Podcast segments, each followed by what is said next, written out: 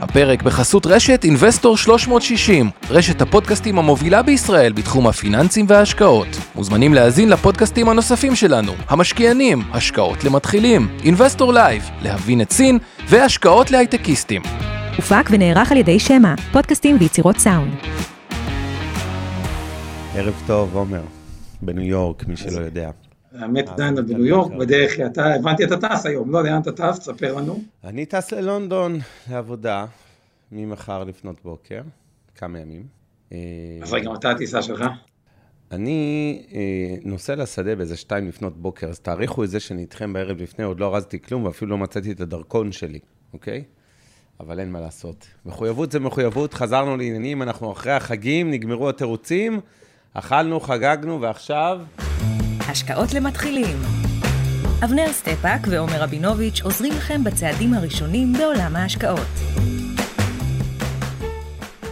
רק רק כש- כשאבנר טס ללונדון זה גם עבודה, אבל זה גם שופינג, מה שאני מכיר, אתה בסדר, תמיד הופך את הסדר, זה קודם כל שופינג, וזה גם קצת עבודה. הבנתי, בסדר, טוב, יפה.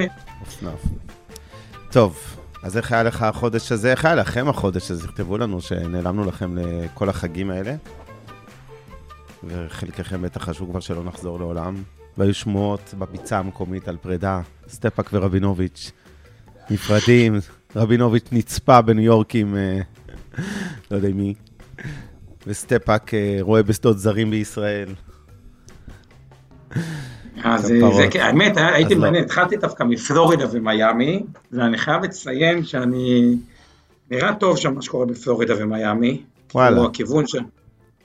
כן, תשמע, הרבה מאוד חבר'ה בדיוק התארחתי אצל אה, מישהו, האמת, משפחה דתית עם שש בנות מתחת לגיל שבע, אז, אה, והבת שלי, אז הייתי שבע בנות מתחת לגיל שבע, אני עם אשתי והילדה, אז אה, היה שמח כמו שאתה יכול לתאר, וואו. אבל זה נראה טוב, כאילו בקומיוניטי שם בדיוק מישהו עבר שם מניו ג'רסי, ומ...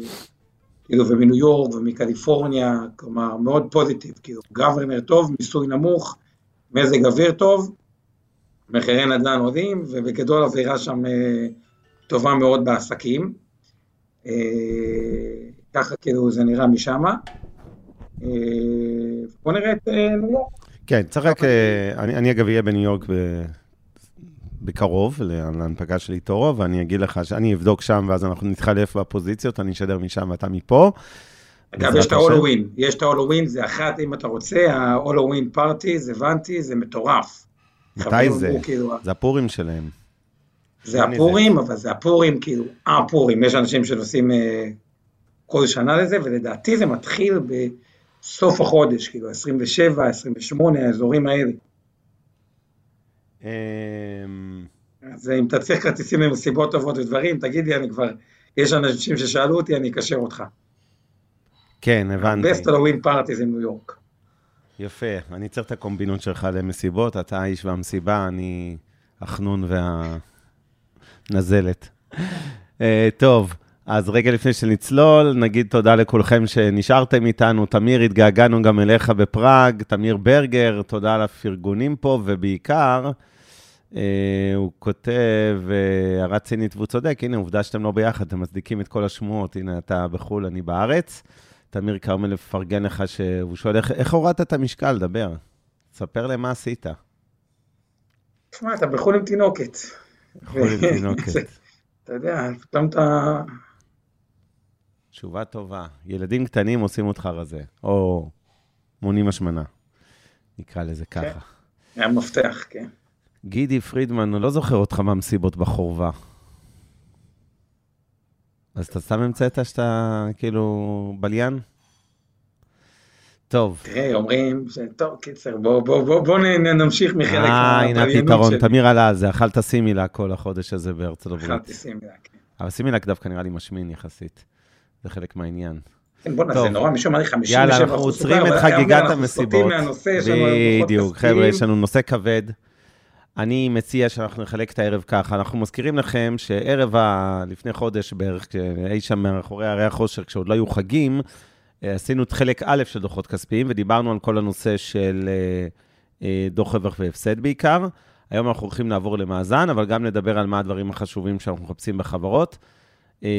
וגם נעשה תזכורת קצרה, זריזה, שבע דקות על מה שהיה לפני חודש, כדי ככה לאפס את כולם, להחזיר אותם למסלול, כי גם יש קשר בין רווח והפסד למאזן. אז עומר, אולי אתה תתחיל במה אתה מחפש בכלל, ואז אה, נעשה את החזרה. אז, אז באמת אני רוצה להתחיל כאילו ממש מ-eye level, כאילו מגובה 30 אלף רגל. זה מתנשא. מה זה השקעה? כן. השקעה, ואז מה אני מחפש בדוחות הכספיים. אז בסוף השקעה, בסוף שאני מרדד הכל הכל השקעה, זה איזשהי סיפור שמספרים לנו עם תמחור מסוים.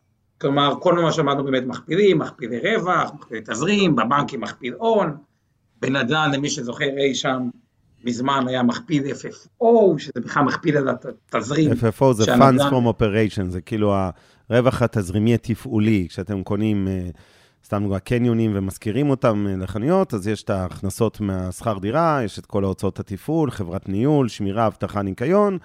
מה שנשאר נטו מזומן זה ה-FFO, ה-Funds From Operation. בדיוק, אחרי ריבית גם, כל מה שאנחנו אמרנו פלוס ריבית. אחרי ריבית. אה, בדברים האלה. אז יש כל מיני מכפילים, שזה אומר, אוקיי, מה התמחור? ומוכרים לנו איזה אה, סיפור מסוים. עכשיו, את הסיפורים, ואני עושה אולי הכללת יתר, אבל אני רוצה לחלק רגע לשתי סוגי סיפורים, שאפשר לעשות איתם תשואות מעל הממוצע. כלומר, בהשקעות אפשר לעשות הממוצע, מדד, שזה אגב, כשלעצמו לא רע, מדד זה לקנות כל המניות, אבל אנחנו כמשקיעים, כל מי שמשקיע, בדרך כלל ישאף לעשות יותר מהממוצע, ופה יש שני סוגי סיפורים שאפשר לעשות יותר מהממוצע. אחד, זה שיש לנו איזושהי הבנה שיש חברה, היא אולי צומחת, היא אולי מתמחרת לא זו לפי המכפילים, אבל שהשוק שלה הוא הרבה יותר גדול, או הפוטנציאל שם, ממה שאנחנו אה, חושבים. כלומר, שהשוק הוא אדיר, כלומר, מי שישקיע בוויזה או במאסטרקארד בתחילת הדרך, והבין את המגמה שכל העולם הולך אה, להשתמש בכרטיסי אשראי, ובעצם ויזה ומאסטרקארד הם שותפים בכל אחד מהעסקים, יכל לעשות תשואות מטורפות אה, על בסיס ההבנה הזאתי, כנ"ל ב-AWS, וכנ"ל בעוד המון המון חברות, פייסבוק וגוגל, שהפרסום אונליין, ה-total addressable market, התם, מה שנקרא, בפועל היה הרבה הרבה. שוק היעד שלה בחברה היא פונה, רק נזכיר, זה השוק הכללי, אוקיי? חברת uh, אה, שעושה סיילספורס, עושה מערכות CRM, אז היא פונה, אז כל שוק ה-CRM הוא X ממאות מיליארדי דולרים הכנסות, ומתוך זה יש להם נתח שוק X, כן, זה התם, ה-total addressable market, כן. אה, נכון, ופה אולי שווה להזכיר, אז באמת יש את ה TAM הנוכחי, שזה total addressable market, ויש גם מה שנקרא PAM, PAM, potential addressable market, כלומר, זה שאמזון היום ב e-commerce, מחר יכולה להמציא את עצמה גם ב-AWS, גם לזה יש איזשהו אה, משקל אה, יזמי, או אילון מאסק, חברו הטוב של אבנר סטפאק, שבדיוק עברתי ליד המפעל המטורף שהם בונים באוסטין, יום אחד מכונות חשמליות, אחרי זה יש גם בטריות, או בכלל תוכנה אה, שעל בסיס זה אפשר לעשות נהיגה אוטומטית, לא נדבר על טסלה, אף אחד לא להגיב. לא, הם יכולים גם להיכנס לשוק ניירות הטואלט, יש עוד הרבה אוקיי, שווקים שהם יכולים לפעול בהם. אוקיי, כן. אמרתי לא להגיב, אוקיי, סייג בחוכמה שתיקה. אל תרים לי להנחתה, מספיק שהמניה עלתה, לא- אתה לא צריך לחמם גם אותי, כן. לא, בסדר, אני רק, אה, אה, אני אומר, אבל כל הנקודה היא שזה איתם, ואז הרעיון הוא שיש לנו איזושהי הבנה שהשוק הוא מאוד מאוד גדול, היזם מאוד מאוד טוב, ויכול להיות הרבה יותר מהשוק הפוטנציאלי, שזה אה, מתומחר.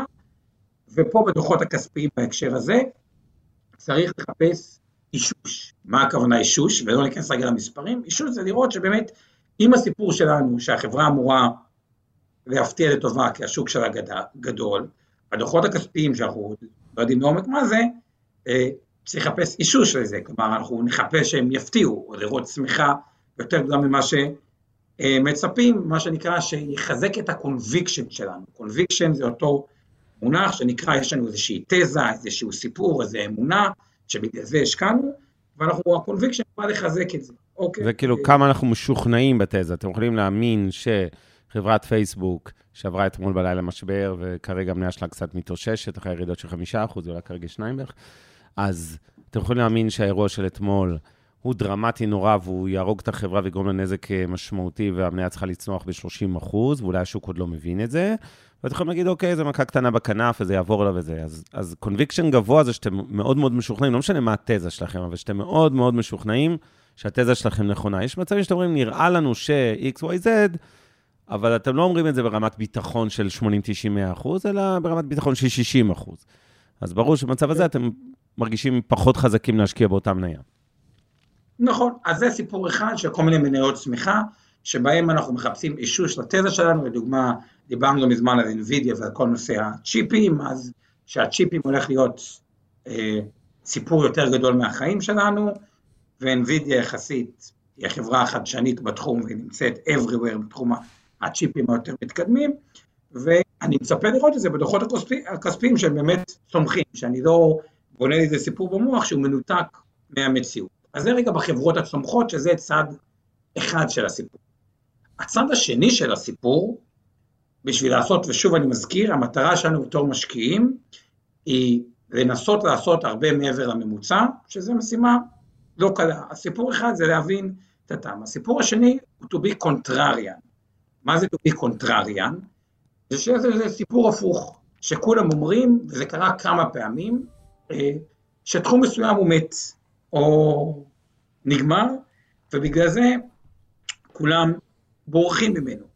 דוגמאות קלאסיים, אה, הבנקים שהיה בקורונה, הבנקים היה איזו תקופה בכחלון, אני כבר לא זוכר שכחלון היה שר אוצר, שחשבו שלא יצטרכו יותר בנקים, כי הכל יהיה בנקים דיגיטליים, גם עכשיו זה עולה, והיה ירידות מאוד מאוד אה, אה, גדולות. אותו דבר במו"לים, מה שקרה עם מדיסטרון, או עם אה, חברות כמו מקריץ' או סיימון פרופרטיס במשבר, שאמרו אולי או קניונים אה, לעולם, וכולם זורקים את הסחורה אה, אה, בטירוף, ואז נגיד, רגע, אני לא חושב שבאמת המצב כזה גרוע, או שהמצב בכלל גרוע, זה איזשהו סיפור שמספרים אותו, אבל אני לא קונה אותו, ואז יש הזדמנות לקנות מאוד מאוד בזול. אבל גם שם אני רוצה בדוחות הכספיים, שנדבר עליהם עוד מעט, לאשש את זה. כלומר, אני רוצה לראות שזה באמת לא רואים במספרים שהכל יורד, ושאני לא מספר לעצמי איזשהו אה, סיפור. אה, אגב, הדוגמה הקלאסית עכשיו, שמי שרוצה להיות קונטרריאן, אה, ושוב, בשביל לעשות, הבעיה היא שבשביל לעשות מעבר לממוצע צריך עומק. הסיפור הכי לוהט היום הוא בסין, אוקיי? תסתכלו על מניה כמו עליבאבא, שנחתכה מ-300, ודעתי היום, אה, ואורי תסתכל, אזור ה-140 בערך, כמה עליבאבא היום. אה, וכמה הייתה בשיא, תוך כדי זה טועדנו אה, תסתכלו. זו סיטואציה שהיא קונטרריה. אחד, מספרים סיפור שילאימו את כל החברות הסיניות והכל ייעלם, ואין מה להשקיע בסין, וכל המשקיעים זורקים את זה וכל הבא ליד, וכאילו אין מי שיקנה את זה. מצד שני, התוצאות של החברות, בואו נראה ב quarter השלישי, אולי הן טובות, ואז צריך לרדת לאיזה ירידת עומק, להבין באמת, מישהו צריך להבין את הממשל, איך הוא חושב, האם באמת הוא נגד זה או לא, ולקבל איזשהו conviction, ואז לעשות להיות contrarian. אה, אז אלה שני הדברים שאותם אני מחפש בדוחות כספיים. כן. אחד, יש משהו שאני מאוד חיובי כלפי הצמיחה שלו, total addressable market, לראות שזה באמת קורה, שהסיפור לא אצלי בראש. שתיים, אם אני קונה משהו שהוא, שהסיבה שאני הולך אליו, היא לא כי זה איזה חברה מדהימה, נגיד הבנקים בארץ, עוד פעם, פשוט הרבה מכירים את זה, אני לא חושב שזה חברות מדהימות. פשוט זה עניין שהמחיר הוא מספיק זול, והבריחה מזה היא לא מוצדקת, ואז אני יכול לעשות short terms uh, gains, uh, או בעברית, אתה אוהב לתקן אותי, uh, אבנר? משחקים לטווח קצר, הימורים לטווח קצר, אני אקרא לזה. לא, זה לא הימורים, אני לא חושב שזה הימורים. אני חושב שבכלל, הבורסה, כל דבר, כלומר, זה הסתברויות, אני לא אוהב את המילה, כאילו, הימורים שהסיכויים הם לטובתי, אוקיי, זה כמו ש... בסדר, אוקיי, זה, ה... אה, זה, זה, זה הרעיון הכללי של הדברים המרכזיים שאני מחפש ב, אה, בדוחות הכספיים. אוקיי, אז אה, אני אוסיף לזה, וכבר נחזור, אלא ניכנס לצלול לדוחות עצמם. אני אוסיף לזה שעוד דברים שאני מחפש זה, נקרא לזה קצת עקביות, זאת אומרת, קווי מגמה אני לא מאמין בניתוח טכני וקווי מגמה במניות, אני כן מאמין בניתוח, אה, נקרא לזה, פונדמנטלי של דוחות כספיים, ולראות מגמות. אם אני רואה חברה, כמו שעומר אמר, יש סיפור של TAM כלשהו, אם היא מדשדשת כבר שנים, עם אז עלייה של 2% בהכנסות, והתחום כביכול הוא ענק ועצום, אבל או שלא הגדרנו נכון את השוק, או שהחברה הזו ברמת המיקרו היא מפשלת, כי היא לא מצליחה לתפוס אה, משהו משמעותי. ואנחנו נרצה לראות מגמה ברורה של גידול בהכנסות, גידול ברווח. עכשיו, יש, אני מזכיר לכם, אה, מושגים שדיברנו עליהם בעבר, בהקשר של מניות, חילקנו, אחת החלוקות של שוק המניות היא לשתי קבוצות, מניות צמיחה, מה שקוראים value באנגלית, או מניות ערך, אה, סליחה, מניות ערך, שזה value באנגלית, או מניות צמיחה, growth. עכשיו, בחברת growth אנחנו מצפים לראות עלייה משמעותית בהכנסות כל שנה. המינימום, וזה לא כוונת המשורר, זה עלייה כמו העלייה של התל"ג של המדינות שהן פועלות בהן, נניח 3-4 אחוז לשנה. אמיתית, אנחנו מתכוונים לעליות יותר של ה-6 ל-10 אחוז, או אפילו דו-ספרתי, לא חייב להיות דו-ספרתי. אבל זה חברת צמיחה, וברור שבחברות הייטק וטכנולוגיה אנחנו מצפים לצמיחה של גם 20 ו-30 אחוז, וחברות, יש חברות צמיחה בענפים יותר שמרניים, אז גם 7 אחוז ייחשב יפה. ולהבדיל, יש חברות ערך, נניח מניות בנקים בדרך כלל, עזבו שהם צמחו חזק השנה, וזה נניח חריג, הם לא צומחים דרמטית משנה לשנה, אבל הם עדיין קאש uh, קאוז, מה שקוראים, פרות מזומנים שמחלקות דיבידנדים, שמניעים עכשיו חזרו נגיד הבנקים בארץ גם לחלק דיבידנדים אחרי שנים שלא היו. אז, וזה השקעה, נקרא לזה מניות במרכאות יותר סולידיות קצת. אין שם נפילות גדולות, אין שם מצב גדול. סורי שאני קוטע אותך. כן. אני, אני לא אוהב את המילה מניות יותר סולידיות לvalue, כי, כי אני אגיד לכם, אני, אני כן. רוצה לחלק רגע את הסיכון לשתיים. יש מה שאני קורא סיכון וולטיליטי, תנודתיות, שמבחינתי הוא לא סיכון, תחת ההנחה שאני... שמניות ערך הן פחות אה, תנודתיות. שנים, אבל יש מה שנקרא ריסק שהוא אובדן פרמננטי. מה הכוונה? גם אם בחרנו מניית ערך, כביכול מכפילים יותר נמוכים, אבל המודל העסקי שלה הוא לא בר קיימא, כביכול אנחנו לחברה יותר סולידית, אבל יכולה גם לרדת לאפס, כי, uh, כי שוכחים עד כמה, הרבה פעמים פשוט, זה כל המונח של disruption שיש אותו במדינת ישראל, הרבה מאוד פעמים פשוט מגיעה חברה עם, זה נקרא שלושת ה... אני קורא לזה שלושה דברים, better quality, better service, better price, שיש שם מודל עסקי יותר טוב. ולחברה ישנה עם כל המבנה עלויות המאוד מאוד כבד שלה, פשוט אין יכולת to match, וכביכול, גם אם על פניו מבחינת מכפילים היא נראית טוב, אוקיי? אה, אם היא לא יודעת לעשות את האדפטציה מספיק מהר, גון, הלכה, וזה כאילו הייתה עסקה יותר סולידית, או מכפילים יותר נמוכים, מי שמסתכל נגיד על אינטל של היום, כאילו המכפילים זולים, אבל אם המודל העסקי שלה הוא לא מחזיק יחסית למתחרים, או המוצר לא מספיק טוב, היא גם יכולה לפשוט רגל בסצנריו מסוים. ברור, בסדר. עומר, אנחנו חייבים לצלול חזרה אה, לעצם העניין, אז ברשותך, אנחנו נעבור לדוחות כספיים. אנחנו פשוט נמחיש היום, ב-42 דקות שנותרו לנו, אנחנו הולכים לצלול לתוך דוחות כספיים של חברת קסטרו, הדוחות האחרונים שפורסמו, שזה הרבעון השני, דוחות של אה, התקופה של אה, אה אפריל, מאי ויוני. אה, או המחצית הראשונה, אפשר להגיד גם, יש שם נתונים גם של שלושה חודשים, גם של שישה חודשים. אנחנו נתחיל זריז מדוחות כספי הרווח והפסד, מה שדיברנו במפגש הקודם, ונתעמק יותר דווקא הפעם במאזן. אה, לשם הדוגמה, אז הנה אני אשתף איתכם את הדוח של קסטרו. אבנר, מה שאני מבקש כן. כדי שנהיה קוהרנטים, מה הסיפור שאתה רואה בקסטרו? תראה, אני פחות, אני, אני אגיד ככה, בכלל, אני רוצה לדבר רגע בהכללה במשפט על שוק האופנה, כי אני לא רוצה לצלול יותר מדי. השוק הזה אה, בקורונה קם קצת דווקא לתחייה. הרבה מהחברות offline, כמו קסטרו, כמו משביר לצרכן, ששנים היא ידעה בעיקר הפסדים, או דוחות ככה עם רווחיות אפסית, פתאום אה, מדווחות על רווחים. אה, כמובן, קבוצת פוקס, ריטיילורס של פוקס, ראינו רווחיות מאוד מאוד גדולה, המניות האלה גם עלו חזרה חזק. קסטרו ספציפית סבלה ממשבר מיקרו, הייתה לה בעיה, היו לה שנתיים קשות מאוד עם הפסדים בדוחות, אנחנו נראה עוד קצת השוואות עוד רגע. היא טיפה לא לגמרי מייצגת ענף, כי היא שילוב של התאוששות ענפית עם התאוששות ספציפית שלה. זה שוק לא קל, שוק האופנה, כי אתה צריך להמציא את עצמך מחדש כל הזמן, זה לא טריוויאלי שכל שנה אתה תצמח וכל שנה תצליח, ויש שנים שלצרכנים קצת נמאס ממותג כזה או אחר, ויש שנים של חזרה, וזה תלוי גם בעיצובים ובטרנדים ובהרבה מאוד דברים. אבל שוב, פחות הדגש שלי היום זה ספציפי, זה בטח לא כרגיל, אנחנו צריכים להזכיר, זה אולי ההזדמנות רגע לפני שצוללים לקסטרו, שכל מה שאנחנו עושים היום זה לא ייעוץ השקעות ולא תחליף לייעוץ השקעות, ואנחנו אומרים, קסטרו זה לא כי אנחנו ממליצים אה, שתקנו את המניה, או ממליצים שלא תקנו את המניה, או שתמכרו אותה אם אתם מחזיקים, ממש לא, ואני מניח ודי בטוח שמיטב דש מחזיקה במניות האלה, בין אם בקרנות נאמנות, קופות גמל, אה, תיקי השקעות, ולכן תיאורטית יש לי ניגוד עניינים, או לא ניגוד עניינים, אינטרס נקרא לזה בלדבר על קסטרו. באמת באמת שזה מטרה לימודית נטו היום, אני מניח שאולי גם בתיקי לקוחות, אני לא יודע, שאינבסטור 360, יכול להיות שגם שם. אני חושב שלא מחזיקים את קסטרו, אני חושב שאנחנו לא מחזיקים. סבבה. אז קסטרו נסחרת בשווי נדמה לי של כ-900 מיליון שקל בבורסה בתל אביב. היא הייתה בחצי מזה לדעתי בשלבים קודמים לפני הגל החיובי האחרון. אה, אנחנו נתחיל בקצרה מדוח רווח והפסד, הנה הוא, ואז אה, כאמור נתמקד במאזן. אני מזכיר את הנתונים העיקריים. מה שאנחנו רואים פה לפנינו זה בעצם את ה...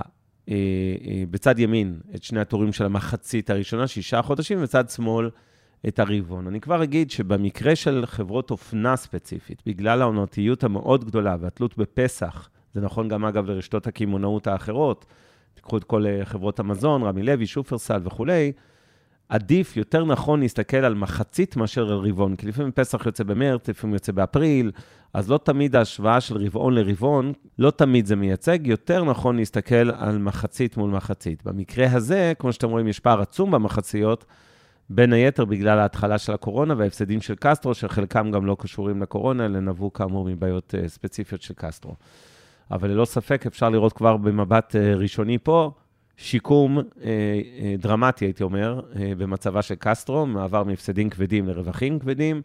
נזכיר את עיקרי השורות פה, אתם רואים את ההכנסות, צמחו מ-565 מיליון שקל ל-702 מיליון שקל.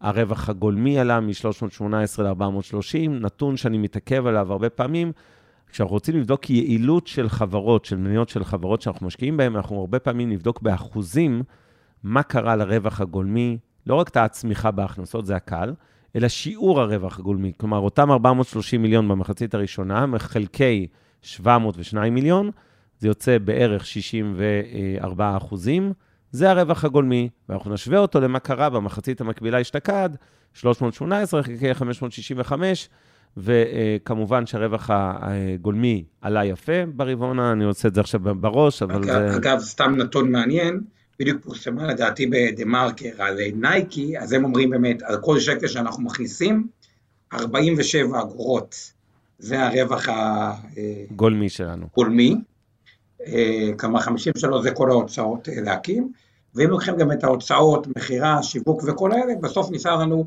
15 אגורות על כל שקל שאנחנו מכניסים. כן, זה הרווח התפעולי, כן. אז... האם, האם בוא... זה טוב או לא טוב? סתם נתון מעניין, ב-S&P כן, הממוצע זה... הוא 13.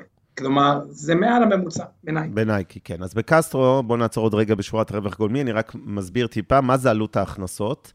270 מיליון במחצית הראשונה. שוב, אלה שמאזינים לנו בפודקאסט, לא לדאוג, אנחנו אה, מקרנים את כל מה שצריך. אז אנחנו בהכנסות של 702, עלות הכנסות 270 זה העלות הישירה. זאת אומרת, אם הם מייצרים היום, יש להם מפעלים, אה, מתפרות ב- ב- ב- פה בישראל, אולי בשטחים, אני לא זוכר איפה הם מייצרים, בטח גם בסין. העלות הישירה, חומרי גלם, עבדים, הכוח אדם שעובד על הייצור, לא הכוח אדם של אנשי מכירות ופרסום ושיווק, כל אלה נמצאים במה שנקרא עלות הכנסות. ראינו את הרווח הגולמי, אנחנו רוצים לבדוק באחוזים, לחלק את הרווח הגולמי מתוך סך ההכנסות ולראות מה הטרנד של זה בין רבעונים, בין מחציות, בין שנים, האם הם מתייעלים, משתפרים או הפוך, יכול להיות שיש כל הזמן עלייה, מדברים עכשיו על אינפלציה, אוקיי, יש עלייה בעלויות של ייצור בכל העולם, יכול להיות שזה יקטין ויפגע ברווח הגולמי, אבל זה הרווח הגולמי. לאחר מכן יש לנו תוצאות מכירה ושיווק, שזה מעשית... בגז באחוזים רואים פה בערך 35 אחוז, נגיד, תלוי, תקופות, בין 40 ל-30 לא, לא. אחוזים. 60 ומשהו אחוז הרווח הגולמי. זה 400, אתה מדבר על ההוצאות. לא, אני מדבר על העלות, כן, על העלות. העלות, כן, המשלים שזה... מתוך המוצר שהם קוראים בקסטרו, לייצר אותו ספציפית עלה בערך 35 עד 40 אחוז נגיד. נכון. כמעט 40, כן. והמשלים שזה קצת מעל 60 אחוז, זה הרווח הגולמי עצמו. אחרי זה אתם רואים הוצאת מכירה ושיווק. מה נכלל פה? הקמפיינים של קסטרו בטלוויזיה, כל הסניפים, השכירות של סניפים, הכוח אדם שמוכר בסניפים, להבדיל מכוח אדם שמייצר, כאמור, שהוא למעלה, אז אה, אה, כל הכוח אדם שמוכר, זה, כל זה הוצאות מכירה ושיווק, די אינטואיטיבי. הוצאות הנהלה וכלליות זה בדרך כלל המטה יותר, ההנהלה, מנכ"ל, מנכ"לית, אה, CFO, כל מה שיש, אה, אה, הנהלת חשבונות, כספים, משפטית וכולי. אה, זה הנהלה וכלליות, המטה המרכזי, עלויות שלו, השכירות וכולי. אחרי זה יש פה איזשהו סעיף חריג, הוא פחות מעניין, אתם רואים רווח מביטול, ירידת ערך נכסים. הרבה פעמים במקרה של קסטרו וחברות אופנה יש הרי מלאים, תכף נגיע למאזן. אז מלאי, לפעמים מלאי שמתיישן, אה, אחרי שגמרו ומיצו את כל המכירות עודפים, מכירות חיסול, הנחות וכולי, נשארים לפעמים מלאי ששווה הרבה מאוד כסף. ופעם ב', אתם תראו הרבה פעמים איזו מחיקה חד פעמית, 37 מיליון שקל, אה, דוגמה, מחצית ראשונה שנה שעברה. אני לא יודע אם זה מזה, זה יכול להיות גם מעוד דברים, כן, שירדה ירד נכסים, וזו דוגמה טיפוסית לירידת נכסים אה, אה, בחברות אופנה, זה בעצם מלאים שהתיישנו וכבר לא ניתן למכור אותם יותר, ונקרא לזה סוג שהולכים לפח או לתרומה או למחזור, ולפעמים יש מצב שעשו הערכה מוגזמת לכיוון מסוים, ופה אתם רואים כאילו רווח דווקא, כאילו ביטלו חזרה, כאילו החיו מלאי. עכשיו, זה גם נובע מזה שעושים הערכות כלליות, ולא תמיד זה ברמת באמת לספור כל חולצה, והאם היא כבר uh, התיישנה ולא תימכר, ויש הנחות שלא יימכרו דברים, ופתאום יש עלייה במכירות בקורונה, ונמכרים דברים עם מלאים ישנים שאף אחד לא האמין שהם יימכרו, ואז זה מייצר את הרווח הזה. הכנסות אחרות נטו זה הכנסות שלא קשורות לתחום האופנה. לדוגמה, נניח שלקסטרו היה נדל"ן, והיא מכרה אותו ונוצר מזה איזשהו רווח, אז זה ייקרא הכנסות אחרות.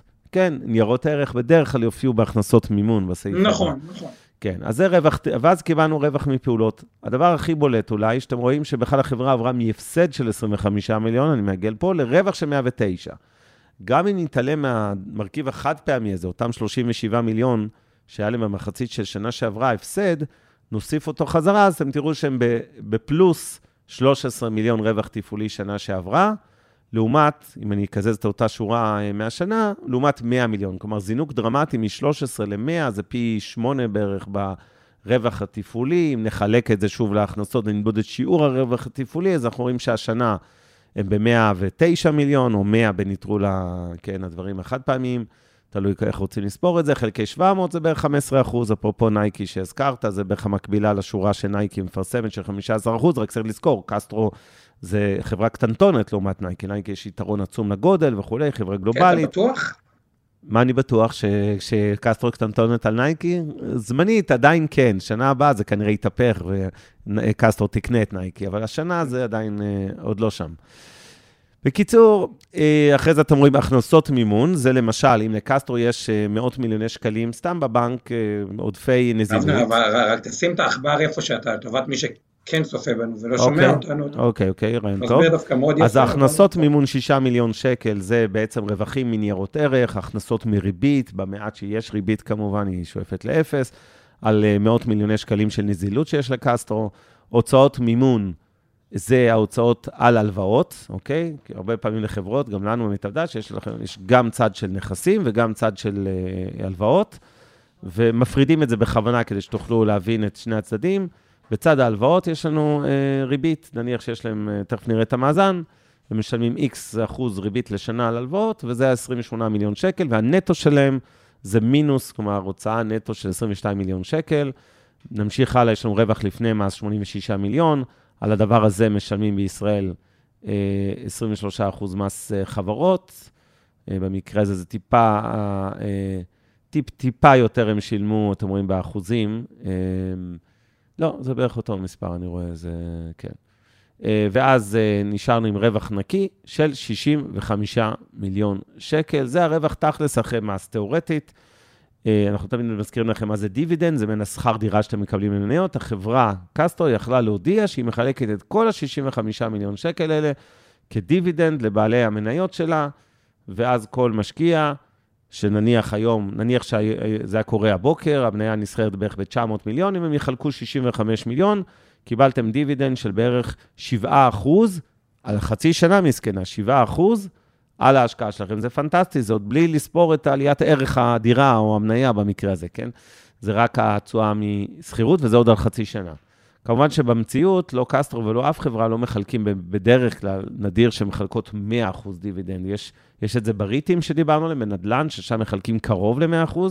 רוב החברות שומרות קצת רזרבות של הון עצמי גדל, תכף נגיע למושג הזה, כי אנחנו עוברים למאזנים, אה, ובעצם אה, מה שהן רגע, עושות... רגע, רק הערה אחת שאני כן. רוצה להוסיף, אבנר, אם אתה יכול לחזור למעלה, השורה כן. לפחות שאני הכי מסתכל, תעלה רגע למעלה, כן, כן. כאילו בדוחות אה, כספיים, כלומר מה שאבנר הראה, בסופו של דבר, כדי להבין את הסיפור של החברה, זה בעיקר הרווח הפסד, שורת ההכנסות כמובן, בדרך כלל חברה צומחת יותר אה, בריאה מחברה שלא צומחת, זה מראה בעיה במנוע, אבל מכל שורות הרווח יש רווח תפעולי, מה שנקרא פה רווח הפסד מפעולות, או operating income באנגלית, ויש רווח נקי.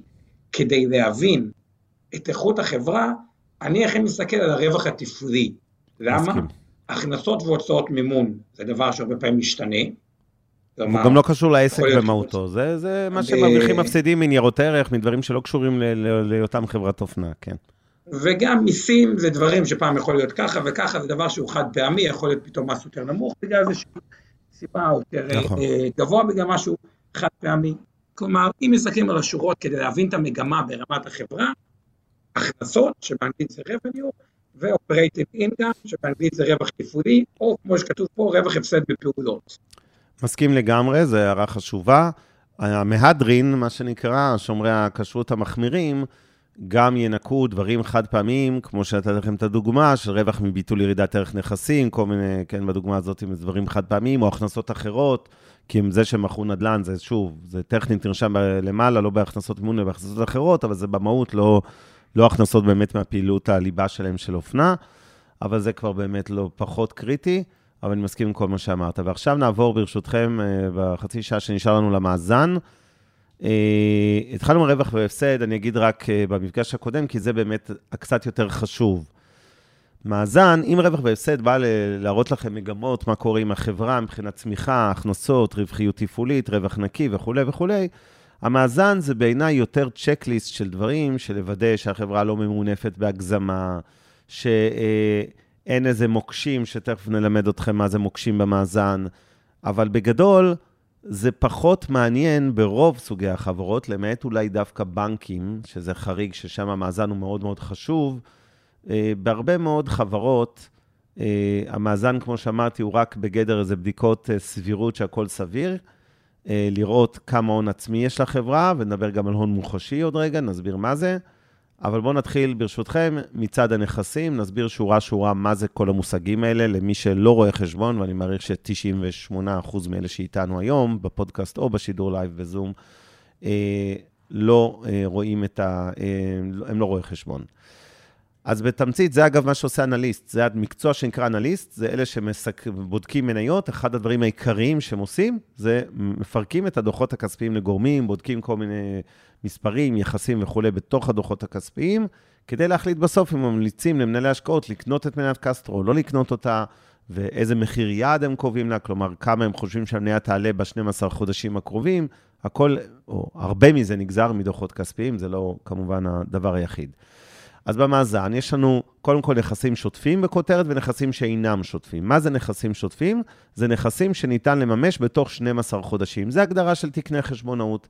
אם יש לכם מזומן בבנק, או מניות שכירות בבורסה, אז ברור שאפשר, אה, קסטרו יכולה למכור אותם בכל רגע נתון, וגם אם לא היום, אז בעוד יום-יומיים. אה, אה, בגדול, זה בוודאי נכס שאפשר להיפטר ממנו בתוך שנה, אוקיי? מה זה, אה, אז זה מזומנים ושווה מזומנים ופיקדון בנקאי משועבד ומכשירים פיננסיים נגזרים, זה מספרים פה זניחים, אני לא אלאה אתכם, כל אלה ביחד זה בערך 430 מיליון שקל, כמו שאתם רואים, אני שוב מתמקד בטור הימני, זה הכל נכון ל-30 לשישי 21, כלומר לפני אה, שלושה חודשים וכמה ימים, זה הנתון. עכשיו, אה, אחרי... ה- הערה אחת רק כן, לגבי כן. הנתונים האלה.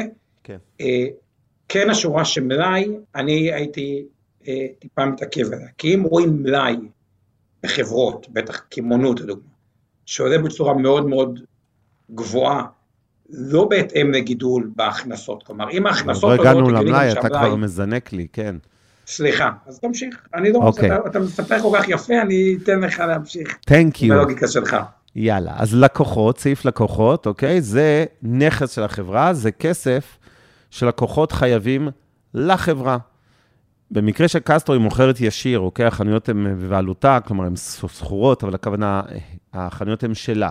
זה לא, למיטב ידיעתי או זיכרוני, אין לה זכיינים, זאת אומרת, המלאים, המלאים הם שלה וכולי, אבל אתם קונים בתשלומים, לדוגמה, זה לקוחות, כן, בהרבה מאוד, אצלנו לכם דוגמה מהמאזן של מיטב דש, בכל רגע נתון, הרי לי מגיע דמי ניהול בגין חודש מסוים. אני לא באמת קיבלתי אותם, נכון ל-30 ל-6 21, את הדמי ניהול של יוני, נכון? אני אקבל אותם רק בחודש העוקב, אז אצלי בסעיף לקוחות יהיה דמי ניהול כאלה שאני אמור לקבל. אצל קסטור זה יהיה לקוחות שכבר קנו סחורה, לקחו את הסחורה, הם טכנית עוד לא שילמו עליה.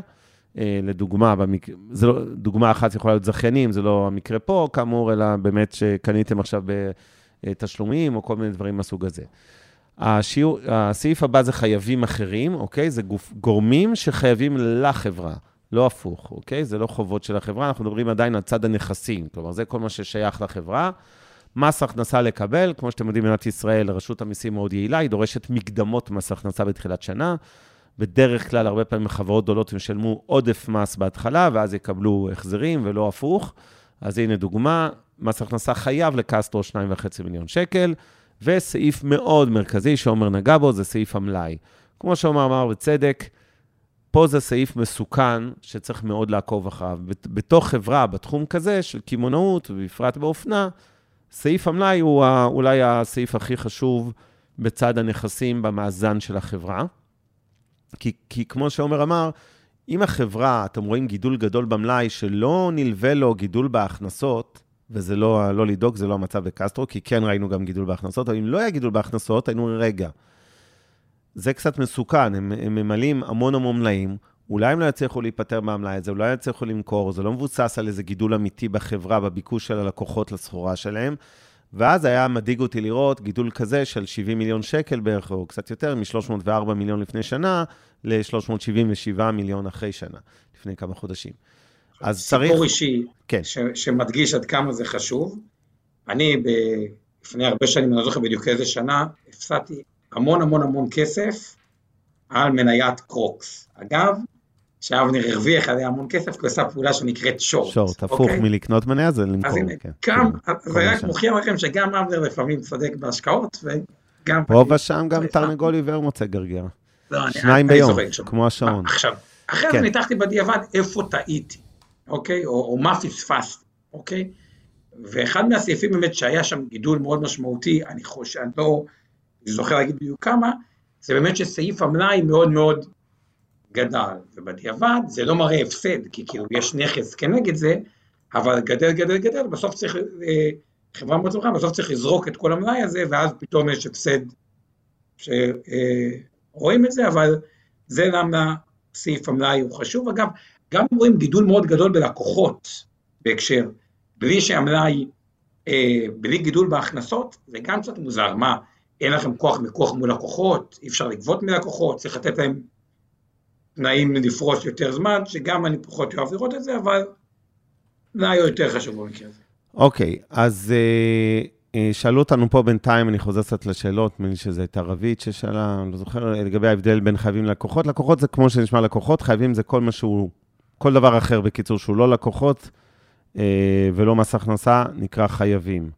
אוקיי? אם, אם שוב, בחברה רגילה עם זכיינים וכולי, זכיין שלקח סחורה והוא חייב כסף לחברה ועדיין לא שילם, כי הוא קיבל שוטף פלוס 200, אז הוא חייב.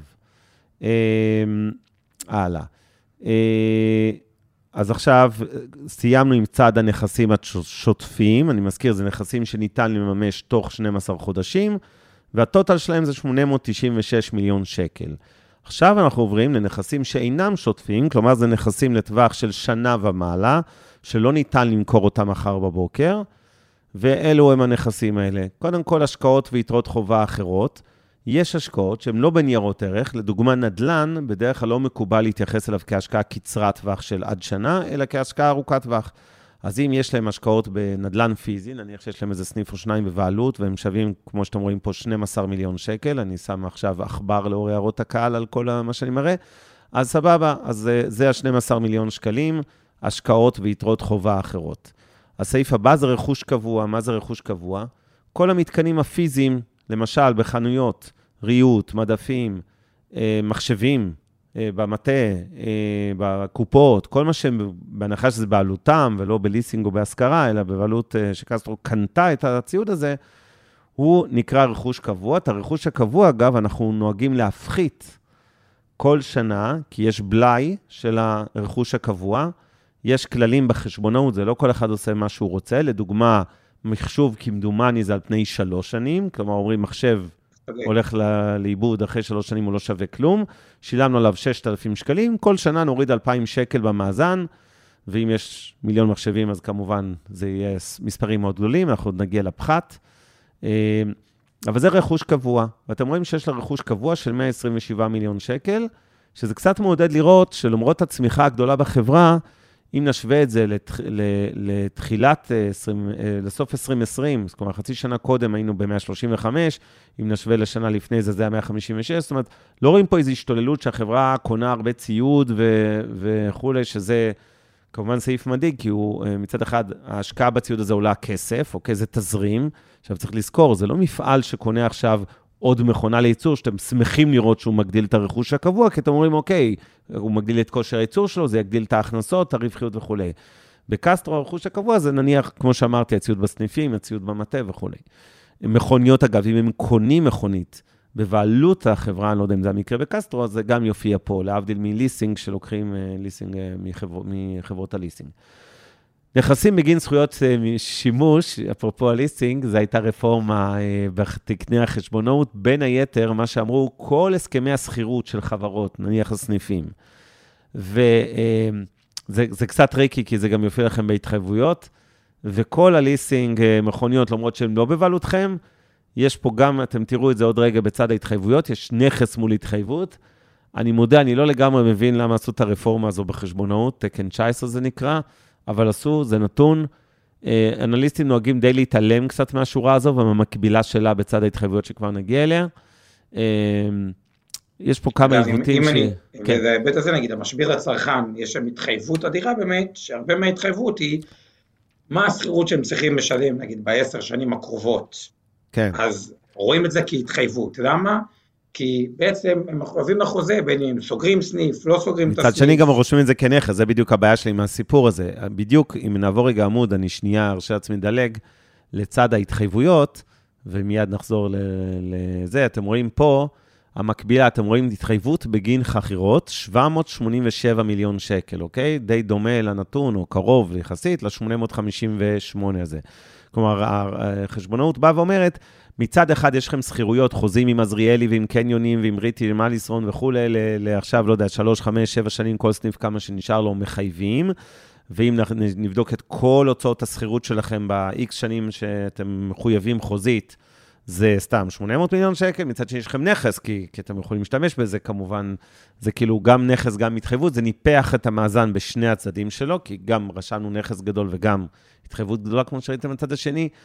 בכנות אנליסטים הרבה פעמים מתעלמים מהנתונים, לא מתעלמים, אבל בוא נגיד נותנים להם פחות חשיבות, גם אני. אה, מס הכנסה נדחה, וואו, זה, זה ייקח שעה להסביר וזה גם לא נורא חשוב. אה,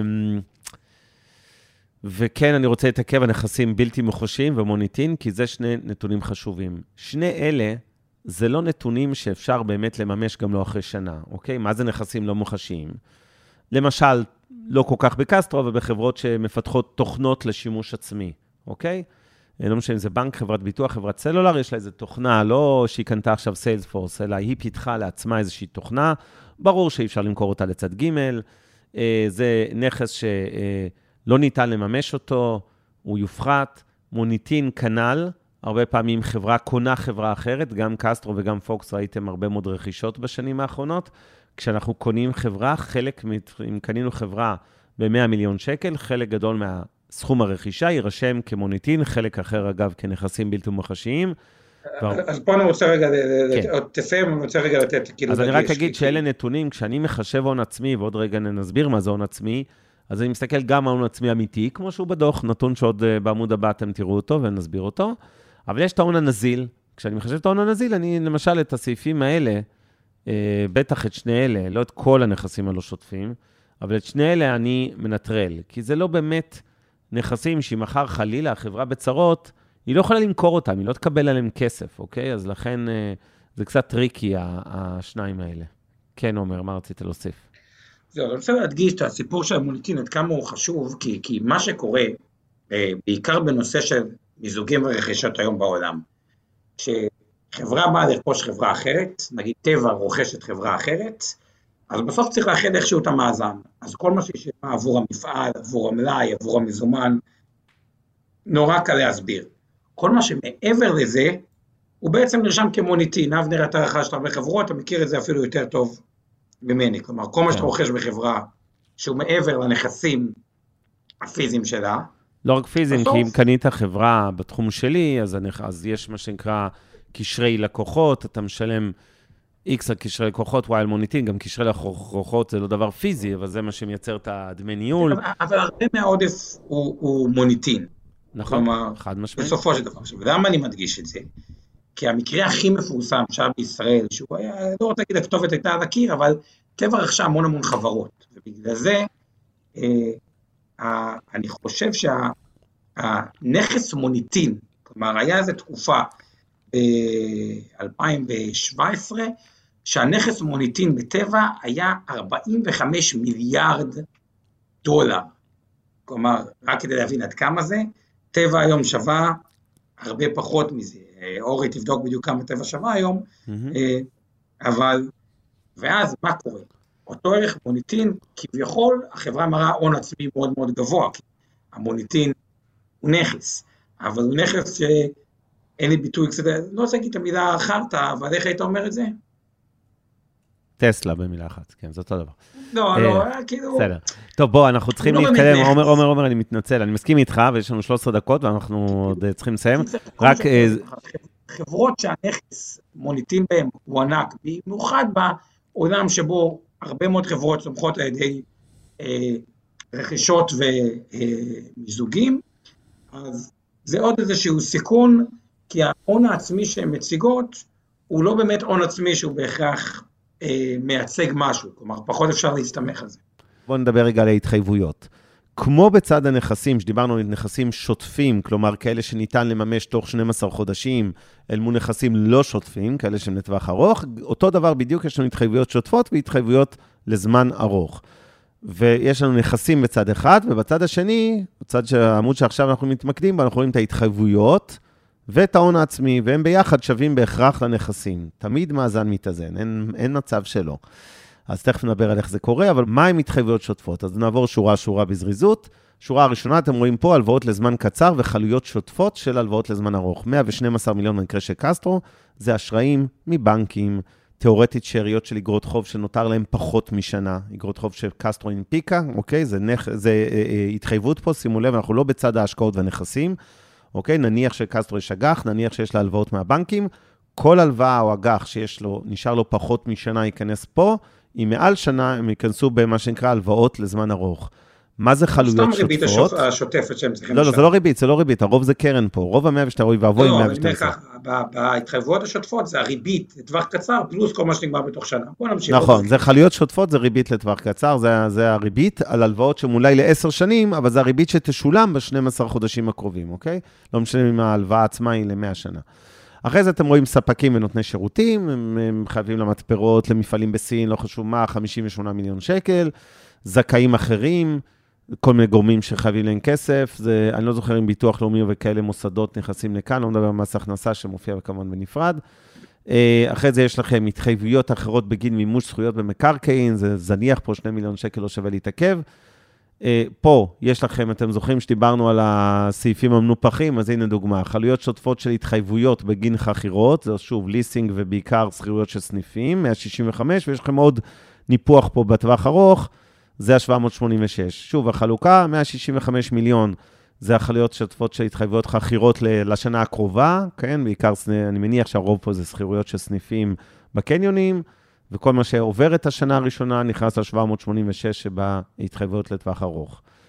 אה, הכנסות מראש, אוקיי? אה, אם תיאורטית אה, אה, מישהו שילם מראש על סחורה, אוקיי?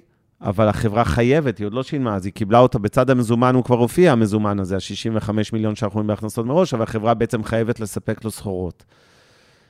מס הכנסה לשלם, שוב, למרות שראינו שם נכס של מס הכנסה, הרבה פעמים זה מתנהג בנפרד, יש גם חברות בנות ומיליון ואחד הסברים למה זה, אבל בגדול זה מופרד בשתי שורות, קצת כמו שהסברנו בדוח רווח והפסד, שהכנסות מימון והוצאות מימון לא מקוזזות נטו. אתם רואים בכוונה שתי שורות, גם במס הכנסה זה ככה. הפרשות זה יכול להיות לכל מיני דברים, מתביעות משפטיות, דרך uh, כל מיני דברים, נקרא לזה יותר חד פעמים באופיים. למה אתה מזכיר תביעות משפטיות ראשון, אבנר? אין לי מושג, כנראה התניה פבלובית. Uh, סך ההתחייבויות השוטפות הוא 482 מיליון שקל, אוקיי? אם נעבור להתחייבויות לטווח ארוך, שזה הסעיף הכבד יותר, אוקיי? יש להם הלוואות לזמן ארוך, 186 אה, מיליון, התחייבויות בגין חכירות, דיברנו על זה, 786. התחייבויות בשל סיום או יחסי עובד מעביד, נניח שמחר קסטרו חס ושלום מפטרת את כל עובדיה בדקה אחת, אז בודקים כמה כסף יש לה בקופות, כל ההפרשות שהיא עשתה בפנסיה, גמל, אה, ביטוחי מנהלים וכולי לעובדים, רואים כמה יהיה חסר, יהיה חסר 16 מיליון שקל. כמובן שהסעיף הזה לא בהכרח מתממש במציאות, אוקיי? אבל בתיאוריה, כרגע, אם היא הייתה סוגרת את שעריה ביום אחד, היא הייתה צריכה לשלם את 16, היה חסר לה 16 מיליון שקל, זה לא חלילה לא חוקי, מי שקצת בקיא בדיני עבודה, יש הסדר 14 ויש כל מיני קופות מרכזיות לפיצויים, לא חשוב, לא עליה אתכם כי זה לא נושא להיום, זה בוודאי חוקי, זה פשוט אומר איזושהי חשיפה, התחייבות אה, עודפת שיש לה אל מול העובדים. סך ההתחייבויות הלא שוטפות כמעט בדיוק מיליארד שקלים, 990 מיליון, וכל ההתחייבויות ביחד, סיכום של אותם 482 מיליון עם ה-990 ביחד, אנחנו רואים מיליארד ו-472 מיליון.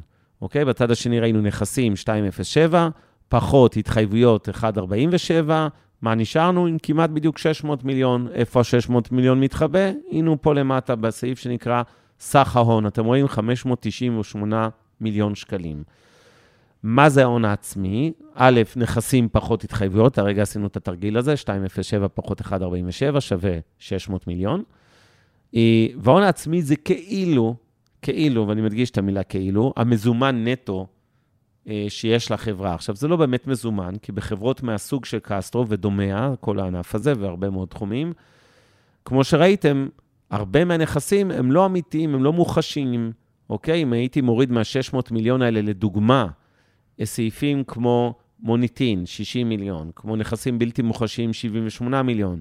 אגב, גם רכוש קבוע, בואו נגיד בכנות, כל הריהוט בסניפים, המחשוב, סוגרים אותו. אם מחר חלילה יש תקלה, סוגרים את הסניפים, סוגרים את המטה, חלילה, חס ושלום, החברה נקלעת לקשיים, לא באמת יצליחו למכור את כל הרכוש כן, הקבוע הזה, ואת המחשבים, ואת הציוד, ב-127 מיליון. ביום טוב הם יקבלו 20-30 מיליון. כן. סופר כן. קצר, כשהייתי בפלורידה, אחד היזמים שהלכתי איתו זה לראות קניון נטוש. זה היה מטורף. קניון נטוש בפנים, אגב, רק שיפצו אותו, נטוש, והפלא ופלא, רוב הרכוש הגבוה נשאר שם. זה לא, לא כל כך נעים לראות קניון נטוש, אומר. מה? כן, האמת, סיפור משעשע בפני עצמו, אבל אין לנו זמן. כמעט כמו גן סגור, כן, בדיוק. אין לנו זמן.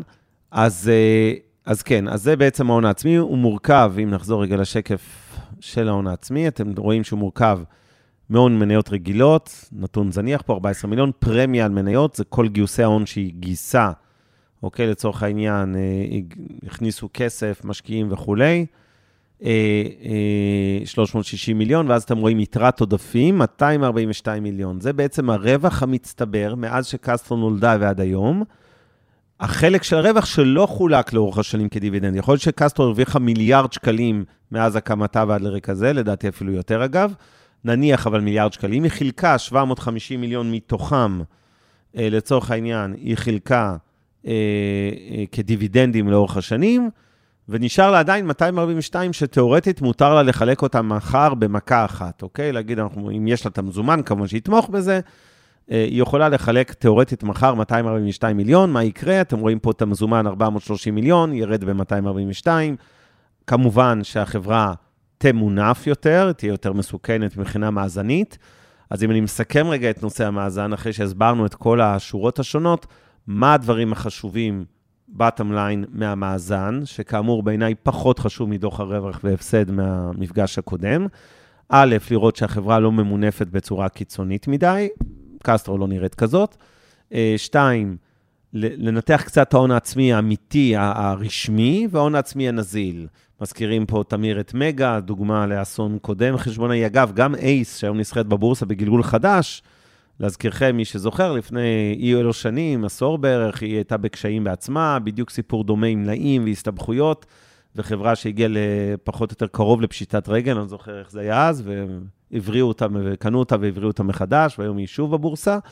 אה, אבל אה, זה קורה בחברות כאלה. הרבה מהחברות, אופיס דיפו, הרבה מאוד מהחברות עברו אה, קשיים, חלקן גם נסגרו, יש הרבה, לא נזכיר פה מותגים מהעבר, יש גם חברות שהיום הן בקשיים, אבל בגדול, אתם רואים את הדוחות, אז אנחנו רוצים לראות שאין מוקשים במאזן, שאין יותר מדי רכוש, מה זה מוקשים? אם החברה לא ממונפת, אבל יש לה הרבה נכסים לא אמיתיים, לא נזילים, זה בסדר, זה לא נורא, פשוט צריך לדעת את זה ולהביא בחשבון. אה, אז אני מסתכל על ההון החשבונאי, מסתכל על ההון הנזיל, מה שאני קורא, כלומר ההון החשבונאי בניקוי סעיפים כאלה שהם לא באמת, אה, נקרא לזה, מוחשיים, או לא רק מוחשיים, שאין מה זה, גם נדל"ן הוא לא מוחשי, אבל אני עדיין סופר נדל"ן. אבל אני לא אספור אה, מחשבים וציוד, לדוגמה. אז אני מסתכל גם על זה, ובעיקר, בעיקר, הדבר הכי חשוב, בחברות קמעונאות זה המלאי, כמו שעומר הזכיר קודם, לראות תנועות במלאי, לראות שהוא לא מתנפח מדי, או אם הוא מתנפח, אז לפחות ש...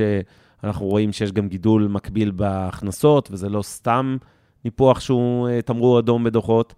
והדבר הכי חשוב במאזן שיזכרו, זה רמת המינוף של החברה, זה כמעט נכון לכל הסקטורים, לראות שהחברה תדע לעבור גם תקופות קשות. עכשיו, לקסטרו היו שנתיים קשות מאוד, עם דוחות הפסדיים וכולי. היא עברה אותם, כמו שאנחנו רואים, מצוין, בכנות הרבה גם בזכות הקורונה, זה לא רק אה, חיובי של קסטרו עצמה. אבל אם לא היה לה את העודפי מזומן ונזילות ואת כל השנים המאוד טובות, היה לה יותר קשה מן הסתם להתמודד עם שנים קשות כמו שהיו. אה, אז זה חלק מהדברים שאני רוצה לבדוק במאזן, לדעת, להיות רגוע, שגם אם החברה תחטוף מכה, יהיה לה שנתיים קשות וכולי, אני לא מפחד ברמה שהיא אה, תפשוט רגל.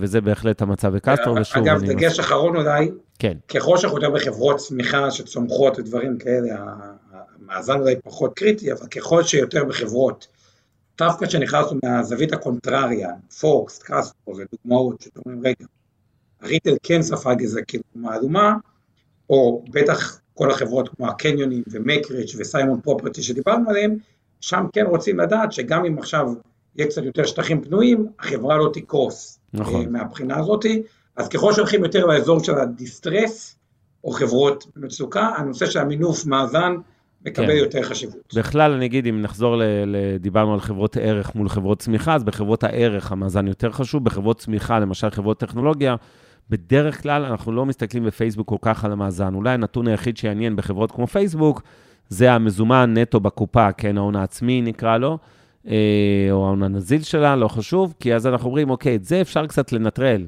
אם החברה נסחרת בשווי X, אבל מתוך זה נניח 15 יש לה מזומן בקופה, אז מבחינתי המכפיל שלה האמיתית הוא יותר נמוך, כי, כי אני מוריד מהשווי שלה את ה-15% הזה מזומן בקופה, ואת זה מחלק ברווח.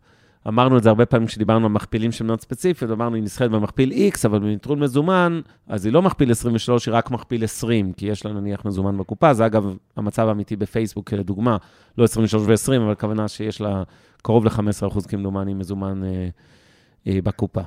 אז זה uh, סיום uh, פרק המאזן, אנחנו עכשיו בתשע ודקה ונעבור עוד רגע לזום למתקדמים שלנו, המשקיענים. Uh, אז uh, אנחנו רוצים לארוז את המפגש הראשון, להודות לכם. היה היום השתתפות ממש גדולה.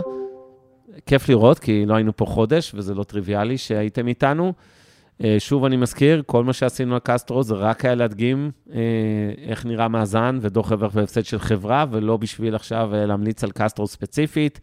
בקיצור, אם אני חוזר לעניין אה, קסטרו והדוחות, אה, כל ענף האופנה אה, נהנה, והזכירו את זה פה אה, בהערות, שקסטרו עלתה בבורסה ב-500 אחוז וכולי, אחרי שהיא ירדה כמובן, אה, חזק מאוד עוד לפני הקורונה, היה לה משבר, נקרא לזה נקודתי של קסטרו. צריך אה, להגיד את זה על כל השוק הזה. אה, ושוב, אני לא רוצה להיכנס למניות ספציפיות, וזה כאמור לא המלצה ולא ייעוץ השקעות ולא וכולי.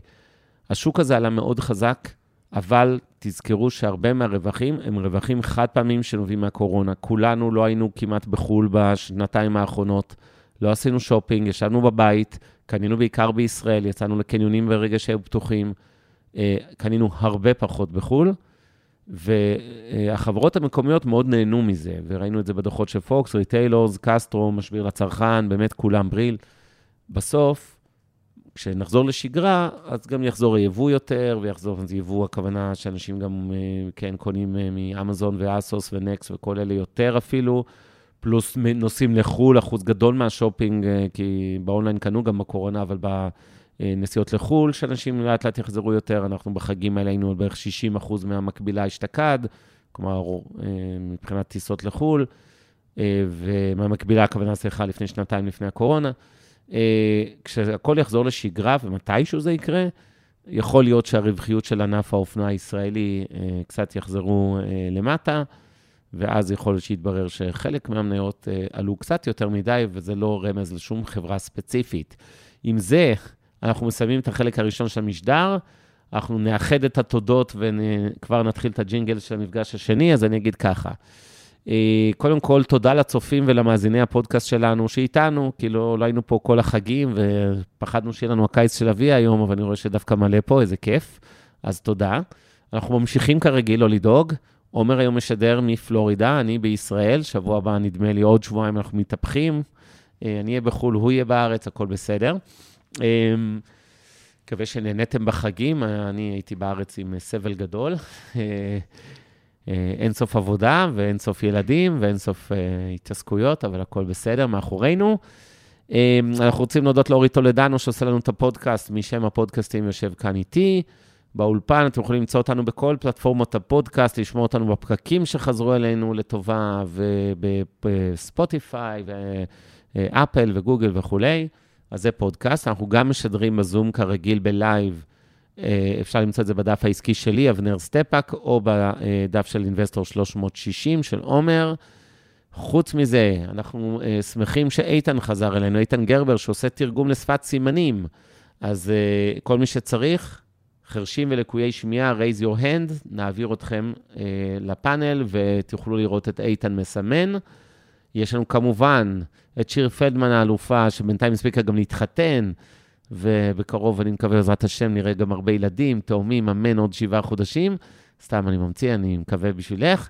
אז היא ורבית אבני עושות לנו היום את התמלול, אז כל מי שרוצה לראות שקופיות, uh, כתוביות בלייב, מוזמן ללחוץ על closed caption בזום uh, uh, שלו ולראות את כל מה שאנחנו מדברים בתקשורת. תודה לעוז גצליק, שמנהל לנו את השידור ממיטב דש, מהבית, אבל הוא ממיטב דש, והוא עושה עבודה מצוינת כבר שעה וחצי איתנו. נראה לי שאת מי עוד אני שוכח כמובן, אורן ברסקי, חלמ, אור חלמיש, עמי ארביב, מהצוות של אינבסטור, שאמונים על התכנים. יאללה, לילה טוב, טוב לכולם. לילה טוב. ביי ביי. ביי. השקעות למתחילים. אבנר סטפאק ועומר רבינוביץ' עוזרים לכם בצעדים הראשונים בעולם ההשקעות.